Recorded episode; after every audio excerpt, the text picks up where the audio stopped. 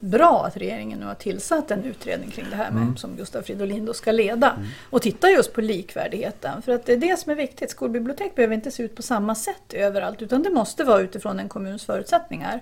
Det är stor skillnad på en glesbygdskommun i, i Västerbotten eller Norrbotten mot för en, en tätt befolkad liten kommun i södra Sverige. Så att förutsättningarna kan skiljas åt, inte bara ekonomiskt utan på andra sätt också, kulturellt också. Så det är jättebra. Jag ser fram emot den utredningen. Ja, precis. Vad har ni för förhoppningar på den utredningen?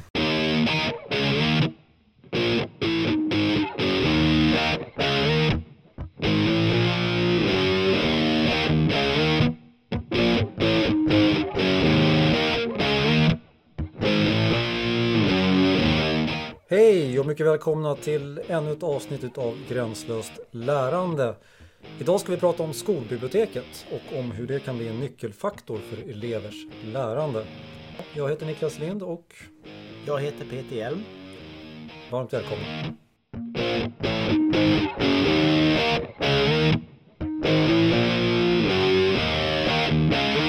Ja Peter, vi, eh, vi är tillbaka. Eh, vi tog ett lite längre jullov kan man väl säga. Ja men precis. Vi hade väl någon intention där ett tag att vi skulle hinna med ett avsnitt före jul men ja, eh, annat kom emellan kan vi ju säga. Ja, mycket jobb kom emellan ja, veckorna i december när vi, innan jullovet. Så att, men nu är vi på banan igen. Nu ska vi köra en gång i månaden är tanken. Jajamän. Mm, ska bli kul. Ja, vi gör ett uppehåll i sommar har vi pratat om. Ja. Men... Semester ska vi Semester ha också. ska vi ha också. Mm. Precis. Eh, det har hänt en del sen, sen vi hade senaste avsnittet. Inte minst för dig Peter, eller hur? Ja, men det stämmer faktiskt. Jag, eh, jag kommer att byta arbetsgivare. Lite uppdrag också. Jag kommer att avsluta min tjänst eh, i Umeå kommun som verksamhetsutvecklare på Kompetenscentrum för flerspråkighet. Och eh, någon gång i mars månad så kommer jag kliva på mitt nya uppdrag där min uppdragsgivare blir Mediacenter som är en del av Region Västerbotten. Just det, får gratulera. Ja, tackar tackar. Jättespännande. Och visst blir det rätt mycket fjärr med det där uppdraget? Det är ju så. Västerbotten är ett län där fjärrundervisning kommer vara en, eh, en viktig del för att vi kunna ha en likvärdig skola och ha utbildning eh, på mindre orter. Sen blir det ett breddat eh, uppdrag så att jag kommer få jobba med andra saker också. Vilket jag kommer tycka det blir jättekul. Mm. Det lär bli utvecklande. Ja. Själv då? Är det något som du vill berätta ja, om sen, det är inget nytt, inget nytt jobb i alla fall. ja, utan jag trivs bra där jag är. Eh, men nej, men det har väl eh, varit skönt med en julledighet. Eh, välbehövlig. Det var, var en intensiv, väldigt rolig hösttermin. Men väldigt intensiv också. Så att, men nu känner jag att jag har fått ladda batterierna och en ny energi. Så att det känns bara bra. Men du, vad, vad säger du om dagens avsnitt då? Ja, skolbibliotek. Eh, jag har läst på eh, och eh, jag förstår ju att den här utredningen som är på gång som Gustav Fridolin Den statliga utredningen den, den ligger lite i tid. Mm. Men det jag hoppas nu på det är väl att höra lite grann vad våra gäster Deras syn på Ja men dels hur ser skolbiblioteken ut idag och är det någonting som man kan ringa in det att det är det här som måste till för att vi ska få till en förändring. Och åt vilket håll ska den här förändringen eller utvecklingen gå? Så tänker jag. Mm. Jag håller med. Det ska bli spännande. Det är skolbibliotek, ja. Den, eh, det är inte så att jag har jättemycket goda erfarenheter om jag ser rent historiskt för egen del med skolbibliotek. Mm. Eh, utan man har kanske varit på ställen där det inte har varit så utvecklat. Eh, tidigare. Eh, här där jag är nu på Diagonskolan finns det alla möjligheter till att vi ska få ett välutvecklat och har det delvis skolbibliotek. Men eh, allting kan ju bli bättre. Så det, jag ser fram emot det här avsnittet också väldigt mycket. Och vi kommer ju alldeles, alldeles strax att få in våra gäster i studion. Men först det här.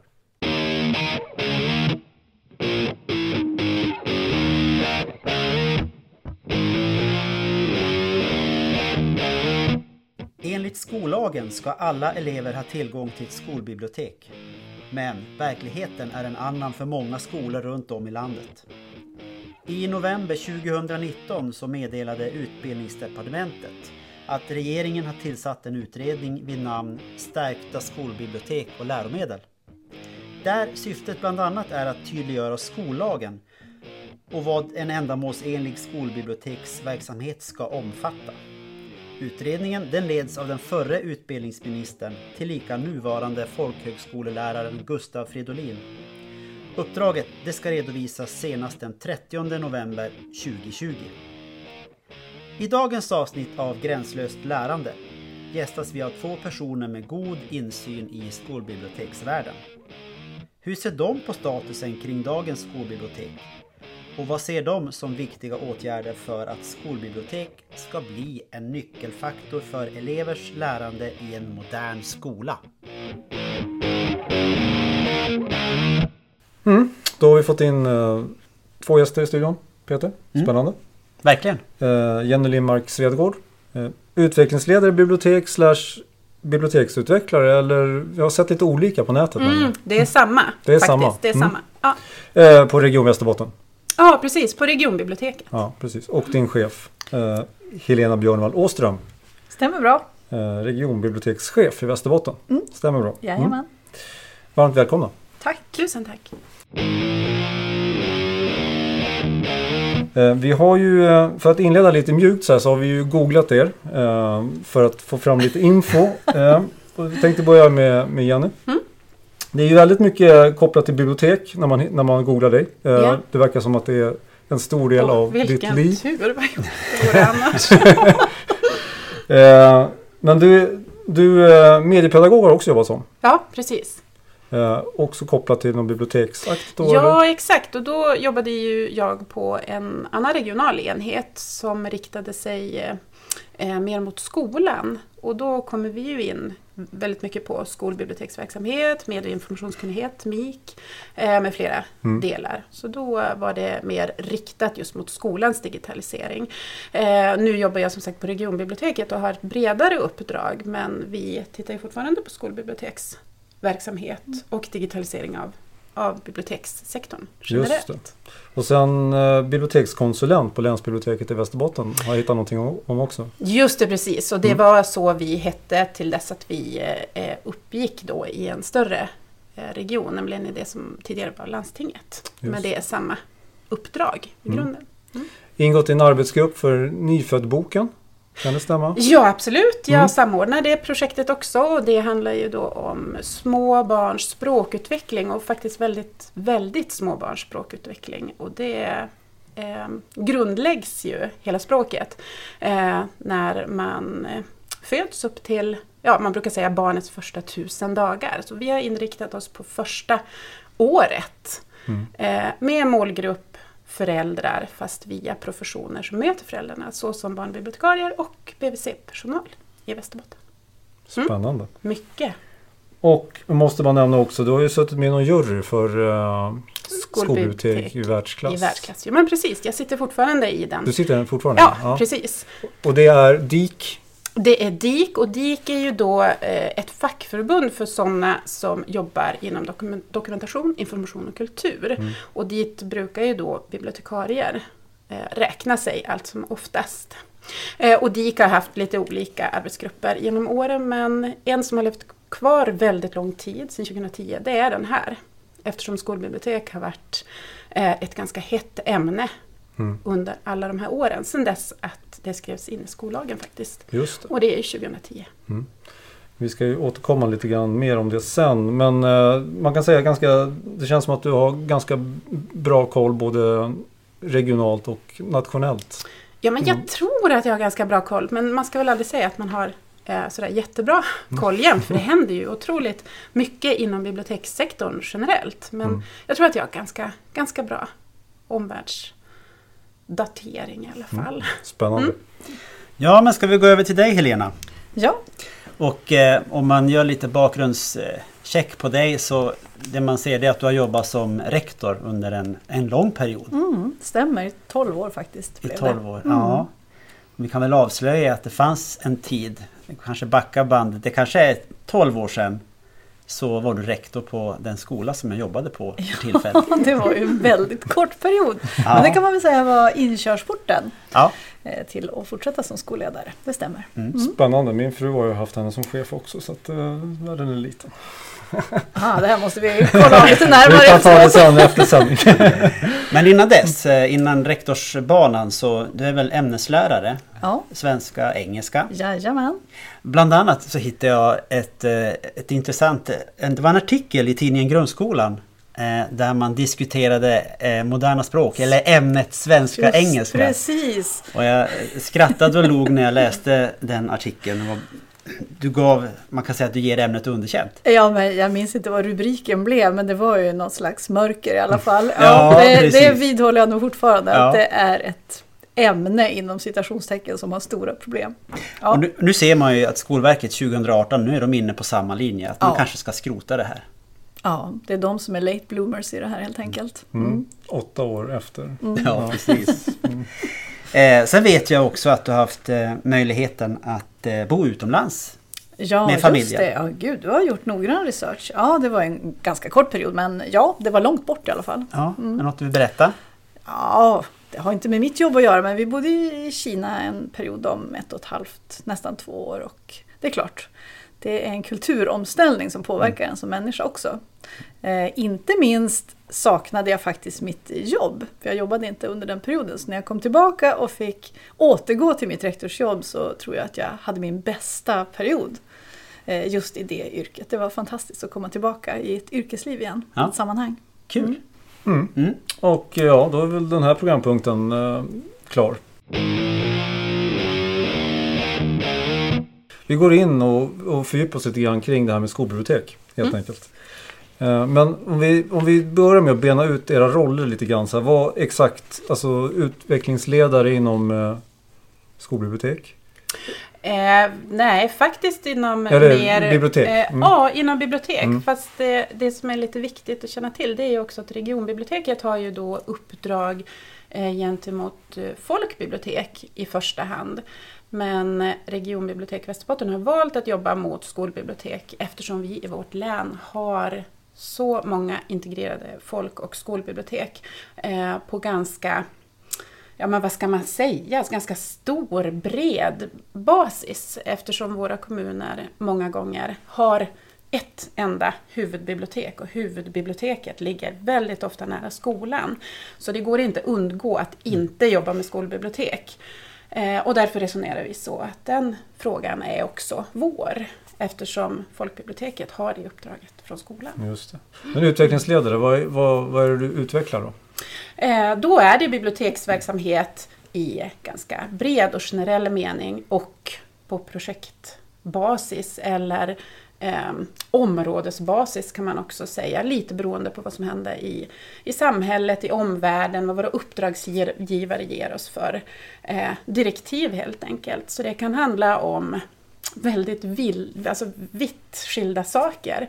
Eh, just, vi nämnde nyföddboken, att jobba med pyttesmå barn eh, och barnbibliotekarierna naturligtvis, för det är ju bibliotekarier vi möter. Jag i min roll möter ju aldrig bebisen utan Eh, det gör ju bibliotekarierna och sköterskorna till exempel. Så du jobbar ganska nära bibliotekarier alltså, ja. och, även skolbibliotekarier? Ja, till viss del så gör jag det. Vi har ett väldigt bra nätverk och starkt nätverk i Västerbotten som heter BUS-nätverket, alltså barn och ungdomskolbibliotekarier. Ja. Och av 220 bibliotekarier som jobbar i Västerbotten ungefär eh, så ingår 60 av de här i det nätverket. De är väldigt eh, duktiga på att be om saker. Nu behöver vi det här och vi ser att det här händer och så vidare. Eh, och väldigt ofta sker ju saker i nätverket som vi kan hjälpa till att stärka men också på helt egen hand utan att en utvecklingsledare måste lägga sig i. Har du enkelt. kontakt med rektorer också på skolor och sådär? Ja, alltså emellanåt, inte sådär jätte, jätte ofta. Inte då i dagsläget. Jag måste ju då säga med viss erfarenhet från den andra sidan att jag aldrig någonsin blev kontaktad av regionbiblioteket och jag visste ärlighetens namn inte ens att regionbiblioteket fanns när jag blev rekryterad till den tjänsten. Så att nej, inte så mycket. Ska nej. man säga. Hur kommer det sig att du tog steget då över från rektors, eh, skolvärlden, rektorsvärlden och så står du här nu? Eh, ja, det undrar jag över ibland själv faktiskt. Men jag var nog nyfiken på någonting nytt och jag har också en, en eh, utbildning i grund och botten som kulturvetare så att jag var inte helt främmande för den här sektorn. Men det kom sig att bli så helt enkelt. Mm. Jag var redo när frågan kom. Men om vi ska gå över och prata lite om själva skolbiblioteket. Om jag säger skolbibliotek så får väl alla man får sin egen bild mm. av vad det är. Mm. Men vad tänker ni när ni hör ordet, begreppet skolbibliotek? Och om jag då klär på mig min rektorskappa igen så tänker jag att det kan vara en fantastisk tillgång.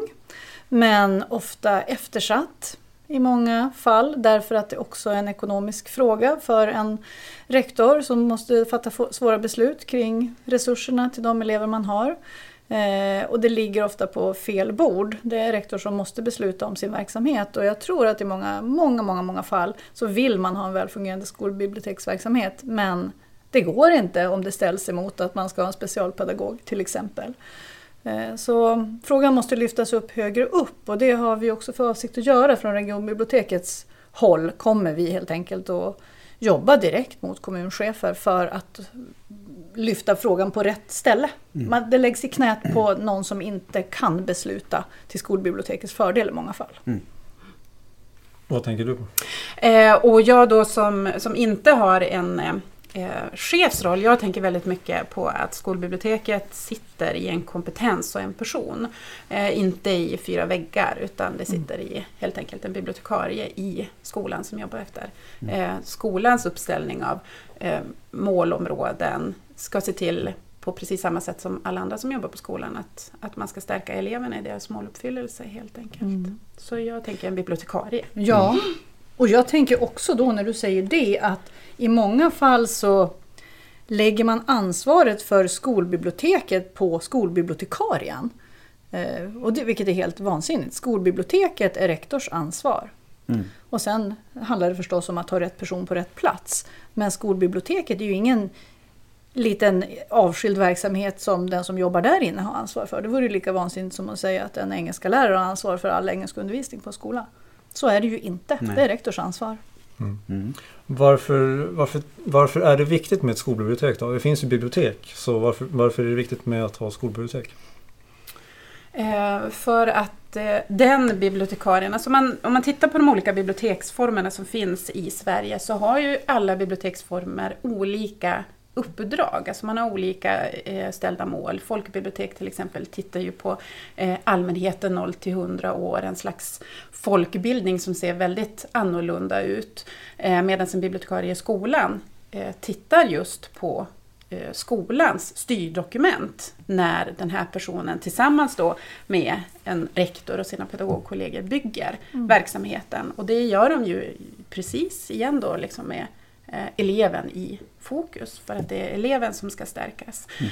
Eh, och ett bibliotek i skolan har ju också eh, inte det här breda uppdraget som folkbiblioteken har utan en mer specifik och samlad eh, blick på vilka stödfunktioner som finns. Förutom då bibliotekarien med sin information och biblioteksutbildning eh, kan ju bidra då med dels eh, läsfrämjande eh, arbete men mm. också väldigt mycket kring Eh, det man tidigare kallade för informationskompetens hos barn och unga. Men nu säger man ju ofta MIK, medie och informationskunnighet. Mm. Men jag tänker också att skolbiblioteket är viktigt för de barn som inte har en naturlig relation till ett folkbibliotek. Alla barn och ungdomar går inte till biblioteket på helgen med en förälder. Eh, utan många känner sig ganska främmande i den miljön. Man kanske har varit där som väldigt liten men sen tappat relationen till sitt bibliotek. Så jag tänker också att skolbiblioteket kan vara en viktig länk mm. Eh, till den större biblioteksvärlden. Och i den allra bästa av världar så skulle ju en skolbibliotekarie kunna vara en guide eller en, en länk för varje elev att få en livslång relation till ett bibliotek i den här om man tänker livslångt lärande. Att mm. biblioteket är ens bästa vän i detta. Mm. Och att vara den som kanske går också på ett studiebesök tillsammans med eleverna på ett stadsbibliotek. Men det är ofta en svensklärare som gör det. Mm. Men varför tar man inte med sig skolbibliotekarien då? Ja, mm. ja tänkte jag nu för första gången. det var intressant. det intressant. Mm. Men eh, om du skulle prova att ta, om vi tar tempen på skolbiblioteken, antingen i länen eller i landet i stort. Mm. Alltså var befinner vi oss och då skulle jag då direkt eh, vilja säga att norra delen av landet tyvärr eh, eh, inte alls har det särskilt gott ställt. Kanske av olika anledningar som, som kan vara svårt att bara eh, hosta upp nu. Men visst handlar det också om att vi, vi jobbar i, på mycket större arealer med, med mycket färre eh, kommuninvånare och elever naturligtvis. Men om man tittar på till exempel Skåne så har ju då Skåne sedan ganska lång tid tillbaka sett bibliotekariens kompetens som eh, en jätteviktig faktor mm. i sin skola. Så att där har man bibliotekarier anställda på 0 till 3 skolor till exempel utan problem sedan lång tid tillbaka. Med, ja, men med mm. bra löner och villkor och så vidare för att driva den här verksamheten utifrån eh, ja, men uppdraget. Mm. Så att en väldigt knepig balans, obalans skulle Precis. jag vilja säga. Därför mm. är det ju väldigt bra att regeringen nu har tillsatt en utredning kring det här med, mm. som Gustav Fridolin då ska leda. Mm. Och titta just på likvärdigheten. För att det är det som är viktigt. Skolbibliotek behöver inte se ut på samma sätt överallt utan det måste vara utifrån en kommuns förutsättningar. Det är stor skillnad på en glesbygdskommun i, i Västerbotten eller Norrbotten mot för en, en tätt befolkad liten kommun i södra Sverige. Så att förutsättningarna kan skiljas åt, inte bara ekonomiskt utan på andra sätt också, kulturellt också. Så det är jättebra. Jag ser fram emot den utredningen. Ja precis. Vad har ni för förhoppningar på den utredningen? Ja men stora egentligen. Jag tänker Gustav Fridolin är skolmänniska. Han har mm. jobbat mycket mm. med utbildning. Han borde ha möjlighet att ställa rätt frågor och förstå eh, vad han ska efterlysa för någonting.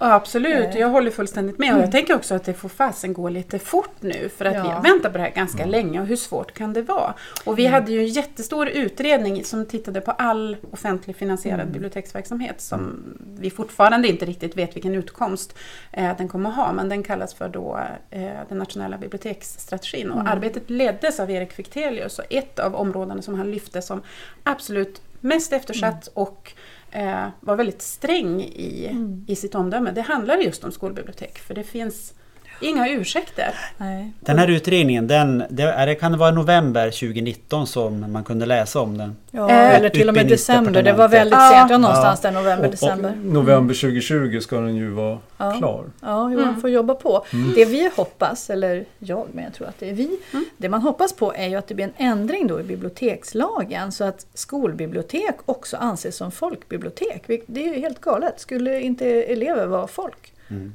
Varför tänker, en form av ja, mm. folkbibliotek? Men man mm. tänker mm. att redan 2010, 2010 så mm. var det ju i lagen, i skollagen så står det ganska tydligt att mm. elever ska ha tillgång jo, till ett skolbibliotek. så står det men det behöver skärpas. Hur? Det är för luddigt kanske? det är alldeles formulerat. för luddigt. Och sen tror jag också att regionbibliotekens uppdrag, vi omfattar ju inte då skolbibliotek men det var främst det jag tänkte på att det behöver också ändras så att vi omfattar även skolbibliotek. För här om något behövs det ju ett regionalt perspektiv. Mm. Det, det, jag tror att det räcker inte mm. riktigt med det kommunala perspektivet mm. när det gäller skolbibliotek. Sen i styrdokument finns det också ett annat problem och det är att skolbibliotek mm. regleras i två lagar. Det mm. regleras sedan 2010 i skollagen där man tycker att det mest naturligt borde höra, mm. höra hemma men även i bibliotekslagen. Och det här betyder att den biblioteksplan som man då är lagd enligt lag att presentera för politiker den kommer i princip alltid från folkbibliotek mm. istället för att se till att eh, ja, men ett skolområde, ta fram en egen eh, bit i en kommunal biblioteksplan till exempel. Mm. Så att det, det är någonting som man kan tycka skulle stärka att, ja, att en verksamhet finns ja. i två ja. lagar men det har kanske istället blivit så här otydlighet kring huvudman. Mm. Eh, men när det här skrevs in i skollagen var det, var det en orimlig, liksom, ett orimligt krav att, att lägga in just där och då? Det är bra att det finns där men eh, jag tror också att många huvudmän förstår att det kommer inte att vara möjligt för många skolor att genomföra det här. Så att det, det är lite tandlöst.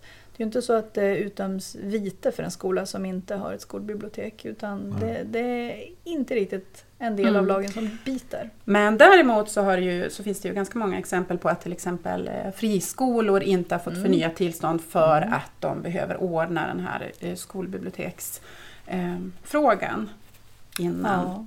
Men, ja. men absolut, små byskolor som, som har 60 mm. elever. Jag har själv haft mina barn på en sån liten byskola. Hur, mm. hur ska vi göra ja. det och hur ska man lösa det? Men vi har en bokbuss, vi mm. skulle kunna ha överenskommelser. Vi kan tänka pedagogiskt också kring de små byskolorna så att mm. de också kan få ta del av den här resursen. Ja, det är inte så enkelt. Nej. Nej. Om vi, om vi går över lite grann till det med skolbibliotekariernas eh, ja, men, roll och kompetens. Mm. Har ju DIK eh, har ju tagit fram sex punkter. Har du varit med och tagit fram de sex punkterna? Eh, vilka, ja, det beror på i, vilka i, punkter. ja, men i, vad heter det? En, en profil. Formulerat en profil över, över skolbibliotekariens ja, kompetens och Mm. roll.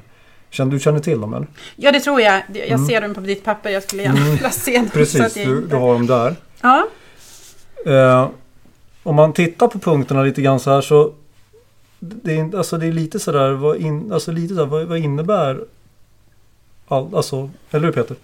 Ja, kan man bena ut eller tror jag. förtydliga att de man olika kan, punkterna? Vi, vi kan ta den första här. Mm. Eh, kompetens att motivera till fortsatt lärande. Att lära lusten att lära.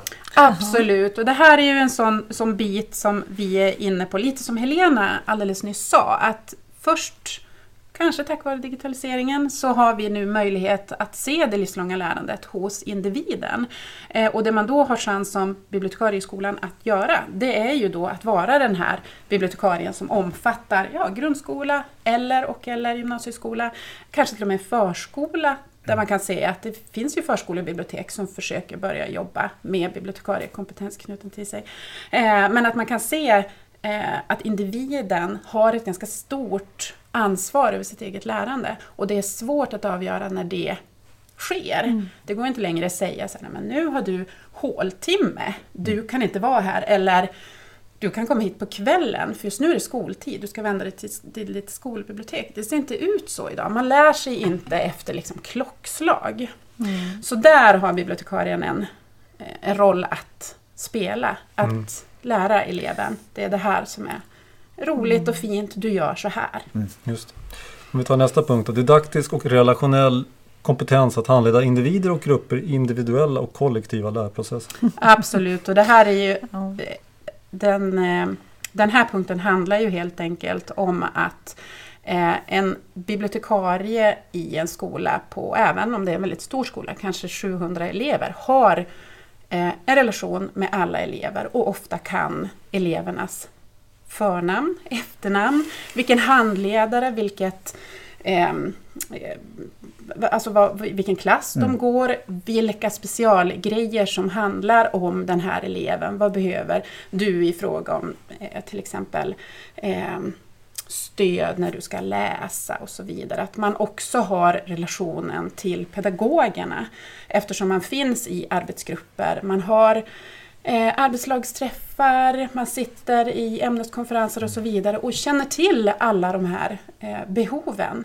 Eh, sen handlar det ju naturligtvis inte bara om individer utan också om, om grupper som man ska kunna handleda efter vart den gruppen befinner sig någonstans. Men jag, får jag flika in? Ja, absolut, Jag absolut. tänker ju direkt ur ett anställarperspektiv här på en anställningsintervju. Eh, det, det är inte alltid som det är rektor som rekryterar skolbibliotekarier märkligt nog. Så ser det verkligen inte ut i alla sammanhang. Och det, det är otroligt bakvänt. För att, och jag har aldrig sett de här punkterna måste jag säga. Det hade ju varit väldigt bra att ha de punkterna. Nu har jag i och för sig inte varit i den situationen att jag har fått rekrytera en skolbibliotekarie. Men det hade varit otroligt viktigt att lyfta de här bitarna för att det är ju inte något som är som alla per automatik har när man kommer ut med en examen från Nej, precis. Nej. biblioteksutbildningen. Det är inte så vansinnigt mycket fokus på det didaktiska och det relationella framförallt. Det, det, Mm. det har nog blivit bättre men det har inte av tradition varit så hemskt mycket. Nej, för Ja. det, det som är intressant nu det, av det du har sagt hittills är ju eh, att man känner att det är verkligen skolbibliotekarien är ju en nyckelperson i Ja, visst, liksom, en central ja, en roll central i kollegiet. roll. Ja, Mm. Ja, exakt. jag Och tänker det är också... inte riktigt den bilden, jag har också jobbat inom skolan Mm. ganska många år, det är inte den bilden man riktigt har. Mm. Sådär. Nej. Det skulle vara spännande att se en, en bibliotekarie som jobbar mot arbetslag. Där man Ja, diskuterar, där man ser verkligen biblioteket som en resurs och bibliotekarien som en resurs. För Mm. de är ju experter i mångt och mycket. Men det, jag tänker att det är ett, ett förändrat arbetssätt som måste till och framförallt så måste man kanske känna att man blir inbjuden också som skolbibliotekarie. ja, ja, men precis. Välkommen till min förra skola skulle jag vilja säga då. Då hade du fått se det. Eller välkommen Men- till min förra skola, där jag jobbade tio år som Ja, skolbibliotekarie. Jag tror inte att det är helt unikt att man ändå tänker så att bibliotekarien har en väldigt central roll och är en del av kollegiet och deltar deltar på elev eh, hälsokonferenser tillsammans med föräldrar om, om, om så krävs. Det jag säger är att det är inte per automatik att man är anställd utifrån de Nej, här kriterierna i rollen som skolbibliotekarie. För det kräver en annan, framförallt didaktisk kompetens än Mm. att jobba som bibliotekarie på ett folkbibliotek skulle jag nog vilja säga. Det är en speciell miljö också och du måste faktiskt gilla målgruppen barn och unga. Du måste kunna ha ett, en naturlig relation till dem. Ska vi gå vidare? Mm. Eh, digital kompetens med fokus på informationssökningsprocesser ur ett användarperspektiv. Rätt mycket mik kan jag tänka mig. Väldigt Det är väldigt mycket mik. Eh, Jag tror att det här är de punkter som vi tog fram lite tidigare för i, i de nya som, alltså, som vi använder som kriterier också i vårt juryarbete så har vi ju faktiskt skrivit in medie och informationskunnighet. Men det är ju eh, precis den här. Och det märker man ju blir viktigare och viktigare med tanke på all, all information som bara sköljs över oss. Och det här med att kunna bland annat vara källkritisk i sitt sökande. Ja, men och även här tänker jag, då, när man har den här speciella målgruppen, barn och unga som ofta är nyfikna och ligger steget före. Och i vissa bitar, inte i alla aspekter. Men där är det otroligt viktigt att skolbibliotekarien har ett prestigelöst förhållningssätt till att vi lär tillsammans. Och, och du som elev kan lära mig mycket. Nu testar vi tillsammans. Vi pratar mycket nu i bibliotekssammanhang om makerspace eller vad var det senaste det hette nu? Eh, Pro- prosumentbibbla. Prosumentbibbla, skaparbibbla har man också hört. Hur man använder sig av olika tekniska verktyg och, och, och tankar. Och att man gör det tillsammans med den som är användare eller låntagare. Så att man behöver ju inte ha all den här digitala kompetensen och känna att jag är nej, nej, experten. Eh, Så det, det har man också lärt sig de senaste men- åren. Att Ja, ändrat men det förhållningssättet tror jag. Absolut, och en sån här person är ju också ganska duktig på barn och ungas medievardag och har också förstått och sett att ehm, Ja, men nu är väl ni mycket yngre än mig och Helena, men, men vi har ju faktiskt lärt oss att först när vi tar reda på information så börjar vi i Bra Böckers gröna lexikon, finns på alla skolor. Finns det sådana på skolorna längre? Nej, det gör ju inte det. De uppdateras ju inte längre. Man går dit och sen har man en, en fysisk eh, hantering av hur jag ska bygga på min egen kunskap, men den finns inte längre. Och vi tar väldigt ofta för givet, vi som har den i ryggraden, att barn och unga också har den för given. Men så är ju inte fallet. Och en bibliotekarie som ju kan se på informationssökningsprocessen ur ett, eh, ja men faktiskt ett universitets eh. Man har, är väldigt duktig på informationshantering och hur människor eh, gör information till en kunskap inuti sig. Kan titta på det här på ett, på ett annat sätt än vad kanske en pedagog har tid med ens. Eh, ja. Så det är en, en, en annan form eh, kan man säga än vad det bara var för tio år sedan. Precis. Och det är samma sak ja. nästa punkt, kunskap och metoder för förmedling och kommunikation av innehåll. Jag, jag tänker att en skolbibliotekarie också eh, kan vara en viktig person för vårdnadshavare. Eh, Det handlar ju ofta också om att stötta vårdnadshavare i sitt barns lärande. Det, det, det ingår ju i lärarrollen så att säga. Men det kan handla till exempel om att man har ett barn som Eh, som, som har behov av ljudböcker till exempel. Man behöver lyssna mer än vad man läser och då kan föräldrar behöva också en, en lektion i hur man hanterar det här. Var hittar jag det här? Hur ska jag hjälpa mitt barn på bästa sätt? Hur ska jag vara och vad ska jag ha för förhållningssätt? Vad är rätt och fel? Eh, när det gäller, om gäller läsning till exempel. Så att man behöver ju också kunna hantera inte bara elever utan även vårdnadshavare när man är skolbibliotekarie. Men det känns som att det, om vi tar den biten att det börjar bli lite enklare och mer användarvänligt. Man backar bandet där, man, där det var bok och band, man ska ha kassettband och man hade boken och en orange liten check Ja. Till att vi idag har man kan dygnet runt eh, hämta hem en e-bok. Ja, jo. Just mycket, tillgängligheten- mycket har förenklats, absolut. Ja. Men då har ju diskussionen istället kommit att handla om, tror jag i alla fall, i viss mån om vad är rätt sorts läsning? Vad är, är allting att läsa? Att lyssna på en bok, är det likställt med att läsa? Ska alla få lyssna istället för att läsa? Eller ska man värna läsa med ögat, lyssna med örat? När ska man göra både och? Finns det liksom en, en gradering för vad som är lite bättre eller lite sämre? Och hur ska man förhålla sig till det här? Så att diskussionen är på något vis ändå mer komplicerad även om tekniken har underlättat massor. Det finns många valmöjligheter och vi är bara i början av den diskussionen. Och många har inte tagit ställning. Så vi pratade i morse en hel del om det här att skolbibliotekarien måste vara en person som ser att både och är bra. Att man inte hamnar i det här antingen eller träsket. som man ganska ofta gör när det gäller digitalisering när man har att göra med såna här gamla Mm. typer som är födda i en analog värld. Ja. Ja. Ni förstår vad jag menar. Jobba med analoga värderingar. Ja, precis. De får man kämpa med. Men eh, ja, eh, om vi tar nästa fråga. Om Ja. man ska gå vidare. Om vi Precis. lämnar det här med det. Man, man får i alla fall känslan av att eh, för att vara en kompetent skolbibliotekarie så behöver man nästan vara en övermänniska.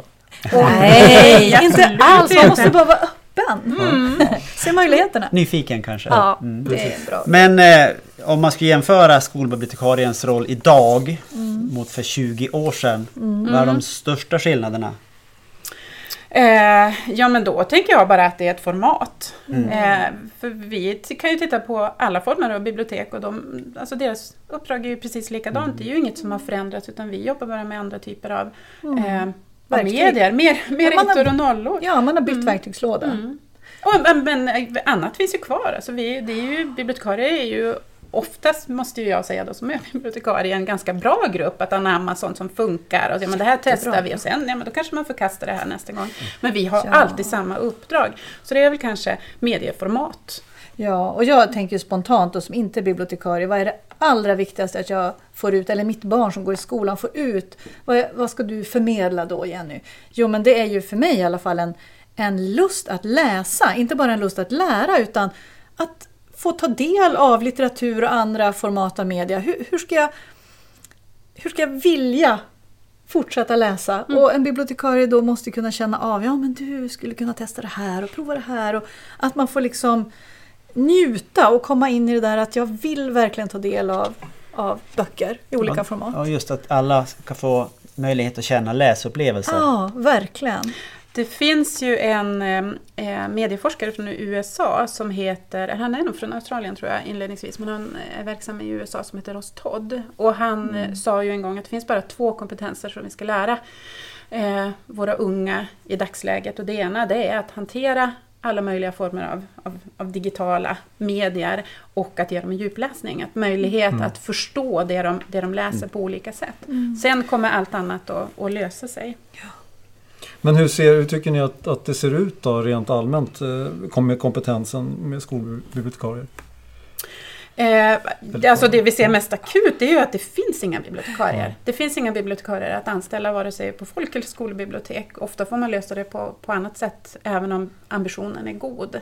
Eh, och det handlar ju om att eh, eh, vi har ett ganska vi, vi har väldigt få antal utbildningsorter att bli bibliotekarie på. Eh, och länge har det sett ut också som, som så att man måste läsa fyra år till exempel. Nu har man gjort det på ett annat sätt, att man, att man kan göra det lite snabbare och påbyggnadsutbildningar och så vidare. Men eh, eh, det tänker jag först på. Ja, du? men ja, jo, det kan ju vara att det kanske inte finns så många bibliotekarier. Eller det ser väldigt olikvärdigt ut. Är en ort som Umeå, då skulle det ändå finnas ett stort utbud av sökande tror jag. Men medan det i Dorotea kanske skulle vara 0,000. Men eh, det är ju inte bara det, utan det är ju det att det finns ju kanske just inga tjänster att söka därför att man har inte råd att ha en skolbibliotekarie. Det är det största problemet, det är ju fortfarande hur ska skolor ha råd att ha ett skolbibliotek? Det är lite moment 22 man. Ja, det är lite Eh, moment lite 22. grann så. Det har ju kommit lite statliga eh, satsningar, till exempel Skolverket har man kunnat söka för att stärka upp kompetens, alltså personal, allmän kom kompetens i eh, skolan. Och en del har ju då nappat och valt att söka, till exempel en av våra inlandskommuner eh, fick ju en skolbibliotekarie på det sättet. Eh, men frågan är ju då hur hållbarheten ser ut. För det är ju inte så att de här barnen som, som går de här två åren av projektmedel, eh, alltså de tar ju inte slut. Det kommer ju hela tiden nya. Vad händer, vad händer sen då? Ja, men vi får hoppas att den här utredningen ändå kommer att visa på nödvändigheten. Man måste ju hela tiden, även som beslutsfattare, se syftet. Vad är det som händer om vi inte? Vad riskerar vi då? Ehm, ja, Förlåt, vilken var din ursprungsfråga? Ja, vad var Vi är det? bara gasar iväg. Ja men det är jättebra. Jag tyckte den landade väl. Ja, jag, jag så. tycker också det. Jag Ingen fara. Eh, jag tycker det var intressant när vi, när vi, när vi liksom eh, googlade runt lite grann och samlade på oss lite mer information om det här avsnittet. Inför det här avsnittet så då dök vi på det här med år, årets skolbibliotek bland annat. Mm. Eh, och ett skolbibliotek i världsklass. Men just årets skolbibliotek och så gick vi in och så såg vi då att det var i, i Åtvidaberg som hade det vinnande biblioteket. Eh, och så hade de gjort en film där så vi kikade på den. Man Mm. blev ruggigt eh, inspirerad. Mm. Verkligen. Ja, vad bra. Och, och för man kände att här är det verkligen integrerat och man känner att de nyttjar varandras kompetens på ett sånt Mm. Och det är ju inte så sätt. komplicerat heller. Nej, det är ju ganska enkelt. Exakt. Men det krävs ändå medel. Ja, det krävs medel, absolut. Det gör det. Men, eh, men också tror jag på arbetsplatser att man verkligen också ser att man kan, man kan jobba över gränserna lite grann. Ja, det tror jag. Det tror jag man gör. Alltså skolor, skolpersonal, lärare, alla, alla förstår skolbibliotekets värde. Det handlar inte om det. Det är inte Mm. skolan som behöver övertygas om det här.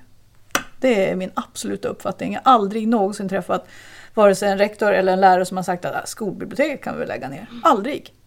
Utan det är regeringen som behöver. Det är mer en, en, mer en ekonomisk Det fråga. är i, till stora delar en ekonomisk fråga. Sen behöver man säkert stärka upp kompetensen i hur man ska bygga upp ett välfungerande skolbibliotek och även öka kompetensen kring hur kompletterar det och hur, hur, hur blir liksom en, en bra verksamhet. Det behöver man absolut stärka kompetensen kring. Men att ha skolbibliotek, det finns ju inte en rektor eller en lärare som skulle säga nej det vill inte vi ha på vår skola. Det är svårt att tänka Det är svårt att tänka mig också. Men det är, sen är frågan hur man använder sig Ja. av dem. Och sen, Men sen tror jag också att det finns inte en mall att så här ser skolbibliotek Nej. ut utan man har lokala förutsättningar och det är stor skillnad om det är en storstad eller om det är ett mindre samhälle.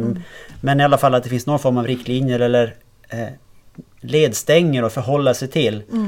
Och att det finns ekonomiska förutsättningar att genomföra det. Det måste väl ändå vara Ja, men de det, viktiga tr- ja, ja, bitarna det här. tror jag. Det finns säkert vissa grundpunkter som man skulle kunna ha eh, en nationell styrning kring. Och sen tror jag ändå att det kommunala självstyret och det regionala självstyret i någon mån behöver också få finnas. Så att det blir anpassat till där det här skolbiblioteket ska finnas.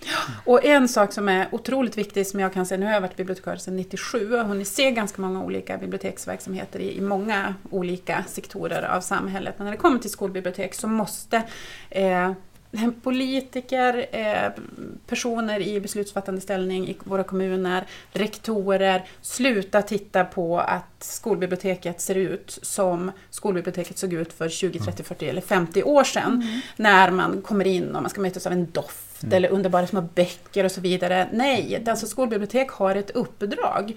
Bibliotekarien som ska jobba där är eh, absolut kapabel att göra det här uppdraget. Men rektorn måste sluta eh, bara, bara säga ja men du bokprat ska du ha här. Men absolut du ska ha bokprat men du ska också jobba med elevernas medie och informationskunnighet för att det eh, kommer att vara helt avgörande för, för dem i deras fortsatta livslärande.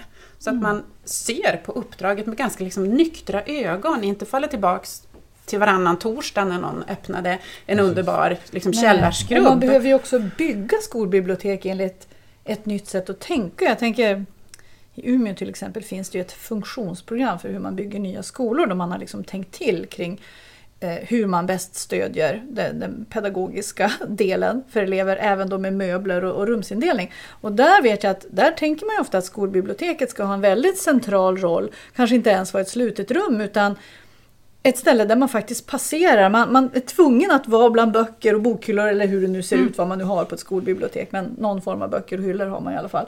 Så att man liksom frotteras och är i det här. Det är liksom i centrum, i hjärtat av allt. Så att man också synliggör att det är så centralt.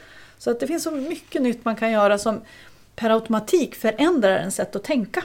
Man kan bygga in förändring och kulturer. Mm, och när jag jobbade, nu ska jag inte säga på vilken skola jag jobbade, men det var en helt fantastisk skola och jag är så tacksam över mina tio år på den skolan. Men jag hade, en av mina rektorer, eh, hade vi då en, vi hade en långt tjatgräl om det var skolans hjärta eller skolans hjärna. Och han menade på att det var skolans hjärta och jag menade på att det var skolans hjärna. Så att vi fick återkomma till det där ständigt hela tiden när han gick runt med folk och det här är skolans hjärta. Upp, upp, upp, upp, upp, så jag då. Vänta, Kanske var stopp där. själen. Hjärnan. Vi ska snart eh, komma till gästlistan när ni ska få se lite tips. Men bara kort där. Eh, Det här skolbibliotek i, i världsklass. Vad, hur kom det till? Vad, vad liksom, vad Eh, jo, det, det kom till på det sättet att man eh, tyckte att det var en bra idé att lyfta upp riktigt goda exempel och visa på, alltså lite grann det här som Helena är inne på, det är inte så himla svårt men det krävs ju någon form av tolkning av uppdraget och att man gör det på många olika nivåer.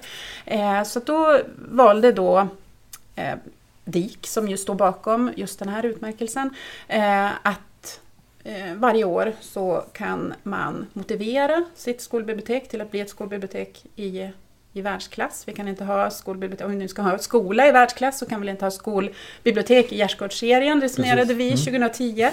Och var länge sedan det var, det var tio år sedan.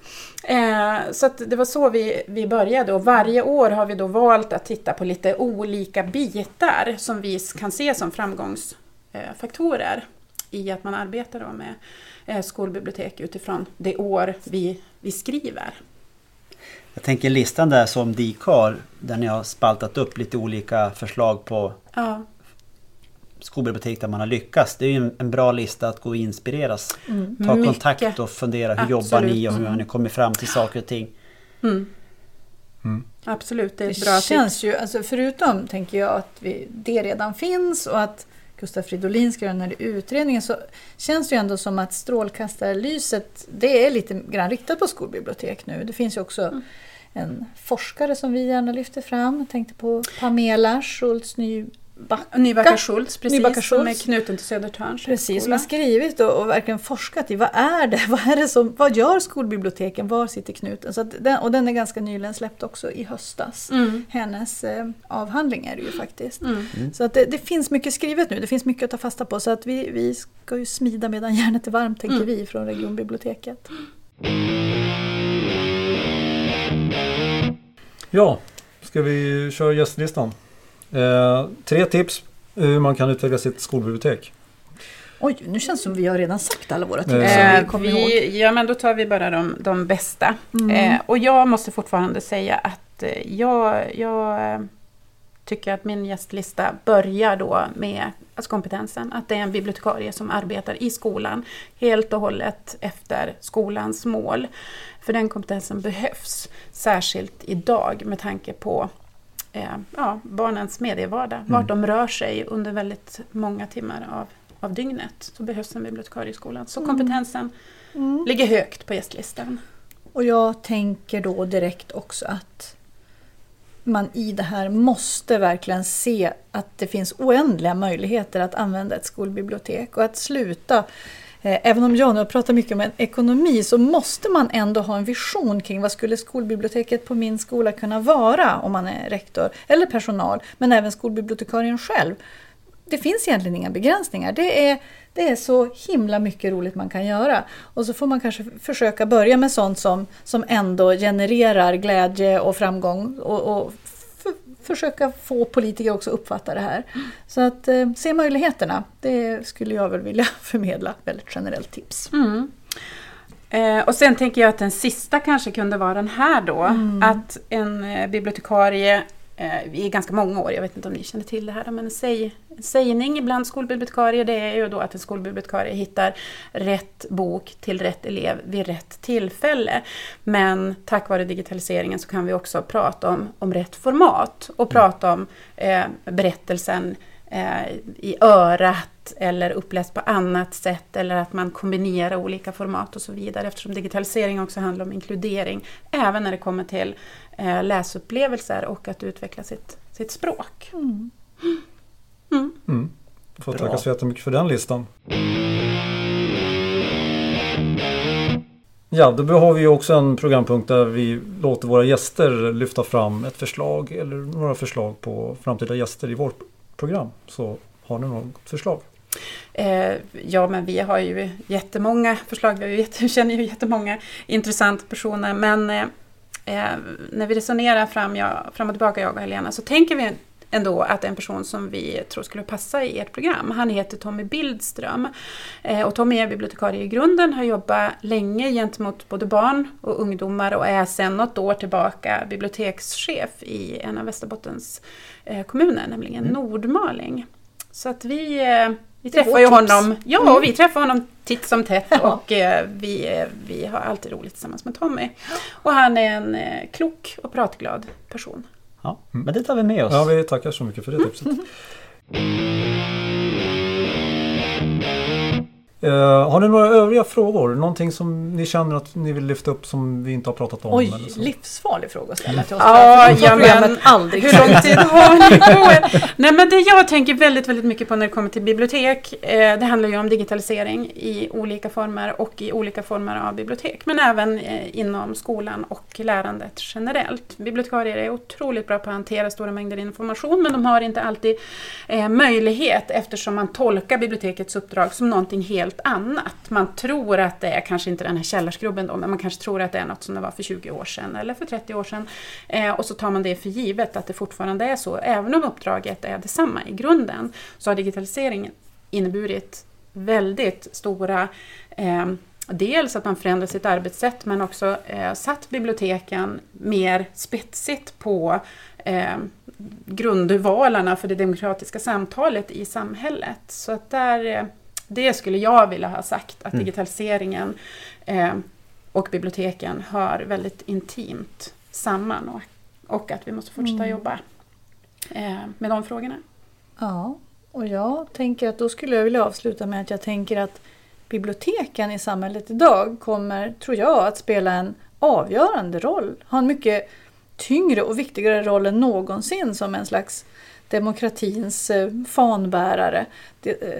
Alltså ett bibliotek är ett öppet rum, ett välkomnande rum där all kunskap eh, är möjlig och eh, där det fria ordet värnas. Och då tänker jag i skolan i synnerhet, men i, nej, i samhället i synnerhet, i skolan också naturligtvis, så måste man se till att det här rummet får finnas kvar och att man ser till att det inte blir det här dammiga gamla utan att det är uppdaterat och får fortsätta att vara samhällets vardagsrum i den utsträckning som det kan och måste få vara tror jag. Så heja biblioteken! Kloka ord väl? Vad säger du Peter? Ja. ja. Vi får tacka så jättemycket för att ni kom hit. Det är vi som ska tacka. Ja, vad mm. kul det var. Det Tack var ska ni ha.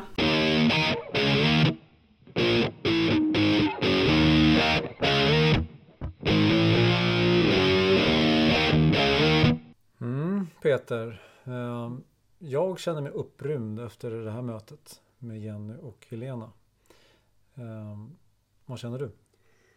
Ja men eh, jag tycker att det känns som att eh, skolbiblioteken och förutsättningarna för att vara en viktig faktor i skolan för eleverna. Det, det finns stora möjligheter att vi kan få till en förändring här i och med den här statliga utredningen. Och de kändes ju båda två väldigt optimistiska. Ja, det får man ju säga. Eh, sen vet man ju nu låter jag väl lite luttrad här men alltså utredningar i all sin, alltså det, det kan ju ta sin tid ändå. Ja. Men vi kan ju hoppas att, att det för en gångs skull också blir någonting verkligen konkret mm. som kommer ut utav det. Eh, men det fanns, som du säger, det fanns mycket som var, de var optimistiska känns det som. Ja. Eh, och stor tilltro till, till liksom skolbibliotekets och skolbibliotekariernas roll i, i skolan. Mm. Så att, ja, det var... Det känns härligt. Ja. Någonting mer som du känner utifrån intervjun som, som du vill ta upp? Nej men jag tycker att eh, en, en, en, en skolbibliotekarie i ska vi säga ett modernt eller kanske ett ändamålsenligt bibliotek är väl mer rätt att säga. Eh, jag ser inte framför mig den här, den här eh, rollen när jag tänker tillbaka på min egen skoltid utan jag ser framför mig en person som är väldigt aktiv, som är duktig på att skapa relationer och som eh, söker samverkan. Samtidigt som det blir lika viktigt från skolledningens sida att faktiskt bjuda in och att man, man får in skolbibliotekets eh, verksamhet inom, i, den, i den stora verksamhetsplanen så att man någonstans har någon gemensam målbild om vad man vill och hur man ska jobba. Mm, det precis. tar jag med mig. Och, och, eh, jag får ju fortfarande känslan att det är lite så övermänniskastuk på att det var väldigt många punkter som, som de bör ha kompetens inom för att kunna fixa den här rollen. Det är ju en, det är en central eh, mittfältare, verkligen speluppläggare ja. i, i, om, man, om man översätter det till fotbolls, fotbollssnack. Så det är ju lite grann åt, åt liksom vad ska man säga, en Xavi som, som, som, eh, som ska liksom vara där överallt och hitta de här passningarna och, och, och liksom för att det ska funka. Men eh, det låter ju också som ett väldigt, en väldigt spännande utmaning. Ja, och som ett sista ord där bara att gå in och titta på DIKs eh, den här länklistan mm. över bibliotek som man har valt att lyfta fram. Därför att där kan man få många goda exempel om man själv jobbar som, som rektor eller som skolbibliotekarie för att få någon form av inspiration och tänka hur kan jag gå vidare? Ja, den listan och eh, listan eh, Årets eh, skolbibliotek kan, man också, kan, kan vi också rekommendera. Men du, eh, vi, eh, ska vi ta vårat tips kanske? Ja, och den här gången så, så handlar det också om böcker och media. Eh, vi har väl båda erfarenheter av att tillsammans med elevgrupper jobba med skrivandet, att författa bygga upp och göra egna e-böcker. Precis, skapa ett eget bibliotek. Lite grann åt det hållet. Ja. Mm. Eh, för det har man ju sett att, eh, att när en elev hamnar i, i en process där man vet att en slutprodukt blir någonting som fler kommer ta del utav så kan det vara någonting som höjer motivationen. Mm, absolut, och sen om man också då aktivt jobbar in att man använder sig av de här böckerna i olika sammanhang. Dels att de kanske kan läsa varandras men, men framförallt att man, man jobbar man på en, en, en eh, efter sex skola till exempel eller vad det nu kan vara efter nio så kan du ju låta yngre elever läsa vad äldre elever ja. har skrivit och, och, sådär, och så vidare. Så att eh, det är ett ganska intressant, eller det är ett väldigt intressant sätt att, att, att jobba. Mm. Men sen naturligtvis, det här ersätter ju inte skolbibliotek och, och, sånt. Men alltså en kombination. Det är, det är ändå kul att på något sätt också känna att man bidrar till ett urval av böcker. Ah. Och då har vi ju lite sådär, några tips på, på program som man kan använda sig utav. Ja, ett program som har funnits under en väldigt lång tid och det, om man använder sig av iPads eller eh, Mac-datorer det är ju Book Creator. Det får man ju ändå säga har ganska många år på nacken men det har både sina för och sina nackdelar. Mm. Behöver inte gå in så mycket mer på det men eh, jag tycker det är ett, ett, väldigt bra program att jobba speciellt med yngre elever där man kanske inte jobbar lika mycket med eh, lika långa texter. Nej, Precis, min erfarenhet av Book Creator är att, man, att det är bra, alltså jobbar du, jobbar du direkt i appen och kanske skriver och sådär, min känsla att då får man ut mest utav det. För att när man ska börja, skriva man i ett annat program och ska föra in text och, och sådana grejer, då, då kan det bli mycket om man har skrivit stor textmassa. Ja, å ena sidan, jobbar du med äldre elever där du har mycket textmassa, då ska du jobba med någon form av eh, ge feedback i textskrivandet då, då, är det kanske att föredra att man jobbar med skrivandet i någon form av molntjänst ja. om det då är Microsoft OneDrive eller om det är Google Drive eller om man jobbar med Mac. Det finns ju lite olika molntjänster. Men jag har goda erfarenheter av att jobba med riktigt små barn där de så att säga skapar sina böcker med Book Creator för man, man har kameran där du kan läsa in röst och du kanske inte producerar lika mycket text. Nej. Så Men, att kunna jobba multimodalt. Absolut, det, det tror jag att det är ett lustfyllt sätt att lära sig att skriva kan man väl säga, att skapa historier. Mm. Men du har ju använt av ett program, vi tänker oss PC mera. Ja, lite äldre elever. eller PC eller datorer kanske. Sådär. Ja, men flipsnack.com är ju en, är ju en molntjänst där du kan eh, skapa e-böcker. Eh, väldigt fina e-böcker tycker jag. Eh, och också, där kan du lägga in väldigt enkelt lägga in eh, bilder, filmer, eh, ljudklipp mm. och länka på, ja, på lite olika sätt. Så att du kan verkligen variera, du får med alla delarna egentligen.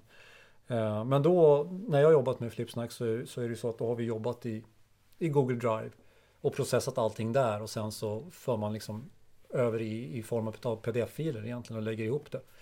Sen kan du också, de har ett ganska fint layout eh, gränssnitt så du kan ju layouta framsidor och göra grejer och sådär i, i vad heter det, i Flipsnack. Men, eh, men du kan också göra det väldigt enkelt att du har allting, du har klart allting på ett annat ställe och sen bara för in en pdf liksom, och, och så är det en klar bok. Mm. Och det går enkelt att och, och, vad heter det väva in alltså inbäddningslänkar och allting sånt om man ska lägga ut det på andra sidor och, och så. så att, mm. Eh, det ser blir snyggt och proffsigt.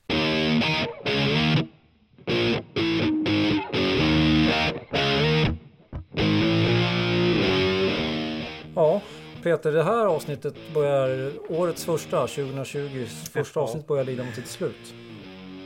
Där har du några avslutande kloka ord med tanke på alla intryck vi har fått efter det här avsnittet.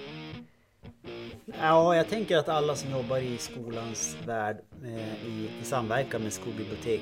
Eh, jag tror att många skolbibliotek har nog en ganska häftig utvecklingsresa framför sig. Bara man tar tag i den här frågan. Öppet sinne.